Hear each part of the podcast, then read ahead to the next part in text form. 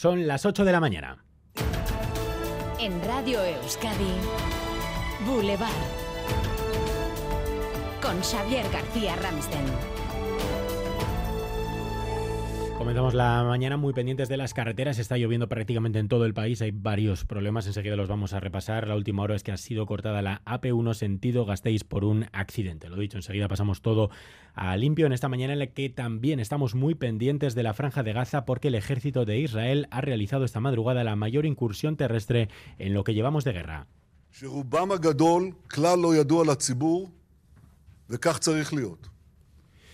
Y lo avanzaba ya esta misma noche el primer ministro Netanyahu en la televisión. No puede hablarse todavía de invasión terrestre, sino de incursión, pero parece que el peor de los escenarios está ya llamando a la puerta.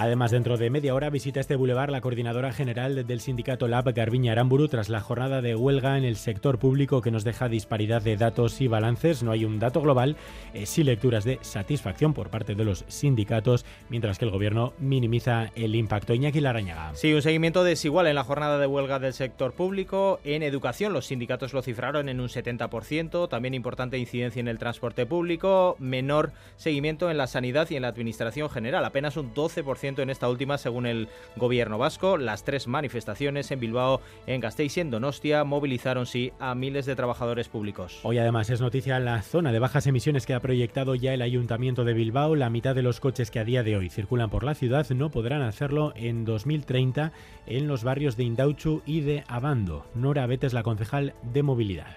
Se implementará de forma progresiva hasta finales de 2029 y se establecerá un área delimitada donde se restringirá el tráfico a los vehículos más contaminantes. Los vecinos y vecinas de la zona de bajas emisiones quedarán exentos.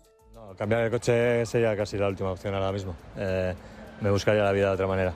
Yo creo que hay otros medios de transporte que pueden suplir el, transporte privado en, en la ciudad. Y bueno, pues tendremos que ir renovando nuestros coches. Claro, no dejo de pensar una cosa, yo me lo puedo permitir, ¿y los que no? a ver, claro, a mí no me, a mí no me afecta. Hombre, al que le afecta y no tiene posibilidad de cambiar de coche, pues yo entiendo que, es, eh, que no, es, no es plato de buen gusto, evidentemente. Y en Boulevard esta mañana debate sobre el TAF. Falta mucho para que veamos el tren de alta velocidad terminado y en funcionamiento. Lo último que hemos conocido al respecto es la fecha en la que estima el gobierno vasco que va a terminar las obras del ramal guipuzcoano, febrero de 2025, pero faltan aún muchas cosas, entre ellas decidir si conectaremos la Y vasca con la Navarra por Esquío o por Vitoria. Hay disparidad de opiniones. A las nueve y media, dos técnicos defenderán cada uno una de las eh, posturas. Les adelantamos además que también hay disparidad desde Navarra. Eh, escuchamos Javier Sainz de los Terreros, ingeniero de caminos, y a Pedro Busto, decano del colegio. El tren que va de Pamplona a San Sebastián tiene que llegar a la estación de Ezquio y luego ir marcha atrás, como quien dice, con una cabeza tractora a San Sebastián. Eso es un problema, efectivamente, pero un problema resoluble. es una chapuza, no una chapuza, es un arreglo pues para poder entregar, supongo, el, estudio informativo a tiempo y, y decir que se ha hecho. Pues así viene este jueves 26 de octubre que nos dejan más noticias, las repasamos en titulares con Asier Herrero.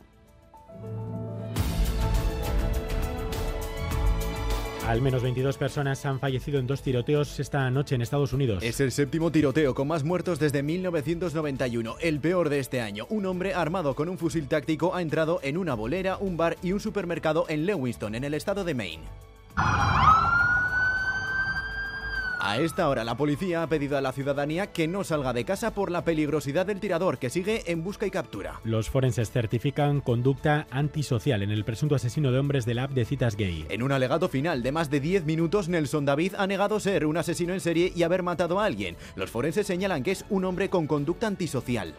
Personas que realizan conductas, como su nombre dice, antisociales, tienen una tendencia a no respetar las normas sociales. La Fiscalía y la Acción Popular mantienen sus peticiones de entre 9 y 17 años de condena. La Erchancha continúa investigando las causas de la desaparición de una mujer y su bebé de 10 meses en Guipúzcoa. La mujer víctima del maltrato se encontraba en un piso dependiente de la Diputación de Guipúzcoa por su falta de recursos. La principal hipótesis es que ella salió por su propio pie del piso y se ha marchado con su expareja. Se especula con que ya no están en Euskadi, por lo que la Erchancha ha lanzado una orden de búsqueda internacional. Hoy se ponen a la venta las 900.000 plazas para viajes del Inserso. Llegan con un mes de retraso por una suspensión cautelar con 70.000 plazas extra y precios un 7,5% más elevados. Patricia Clotet, responsable de experiencia de cliente en Viajes Eroski tenemos que reforzar las oficinas en estos días. ¿Por qué? Porque los días del inserso son días de mucho trabajo en, nuestras tiendas. Todo, toda la venta del inserso se hace en dos días. En nuestro caso en Euskadi son el día 26 y 27.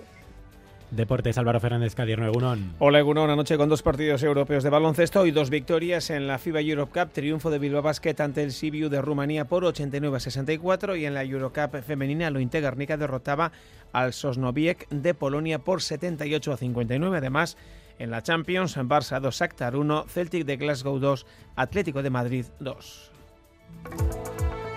Boulevard. BRTA, Alianza Vasca de Investigación y Tecnología te ofrece el tiempo. Llueve con fuerza, hoy sin duda la protagonista es la lluvia, lo pueden ver además si conectan ahora mismo TV2, está lloviendo, hay bastantes problemas en las carreteras, enseguida los vamos a repasar, pero lo primero como siempre es el pronóstico de Euskalmet, Jaione Munarriz, Caixo Egunon, hoy la jornada viene marcada por la lluvia, lluvia que va a ser persistente y abundante, sobre todo en el norte y en algunos momentos incluso se pueden producir chubascos bastante intensos. El frente que nos dejará estas precipitaciones se irá retirando durante la tarde, así que a medida que avance la tarde, comenzando desde Vizcaya y Álava, la lluvia irá remitiendo. Por otro lado, el viento que de momento está soplando del suroeste con cierta intensidad en zonas expuestas, irá girando a oeste-noroeste durante la mañana con rachas fuertes en la costa. Y tras el giro del viento, la temperatura también irá bajando. Por tanto, hoy las máximas se darán a primeras horas de la mañana con el viento del suroeste y después por la tarde el ambiente va a ser algo más fresco y las mínimas del día se darán al final de la jornada. A esta hora tenemos 17 grados en Bilbao, 16 en Donostia y Bayona, 15 grados en Gasteiz y en Iruña, 688-840-840. Egunon, Bermion, amasei grado ondo izan. Ergean, amalau gradu eta Agur. Egunon tiktika bornikanotik amala gradu eta euri pizka bat egiten du. Primeran pasa eguna. Egunon, hoy en el Orrio hay 16 grados y está lloviendo bastante. ¡Feliz jueves!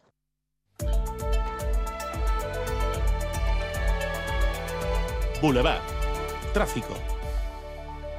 Y esa lluvia que nos está dejando importantes problemas en las carreteras. Vamos con la última hora. Sonia Hernando. El Departamento de Seguridad informa de que la AP1 está cortada en sentido Gasteiz por un accidente entre dos vehículos a la altura de Vergara. Es en sentido Gasteiz y no Ibar, como nos habían dicho en un primer momento. Es la incidencia más grave en esta mañana complicada en la que ha habido ya varios accidentes. Atención también a las balsas de agua que, según nos indican varios oyentes, en el 688 48 40 están dificultando la circulación, por ejemplo, en la Nacional 1 en Legorreta en sentido Donostia. Pequeñas y medianas empresas, ¿sabéis que podéis innovar en vuestros productos y procesos y que para ello tenéis a vuestra disposición 17 centros de BRTA? Porque innovar es cuestión de carácter, no de tamaño. BRTA, Alianza Vasca de Investigación y Tecnología. Gobierno Vasco, Euskadi, Bien Común. Recupera los contenidos de Radio Euskadi en la web eitv.eus y en la app EITV Nayeran.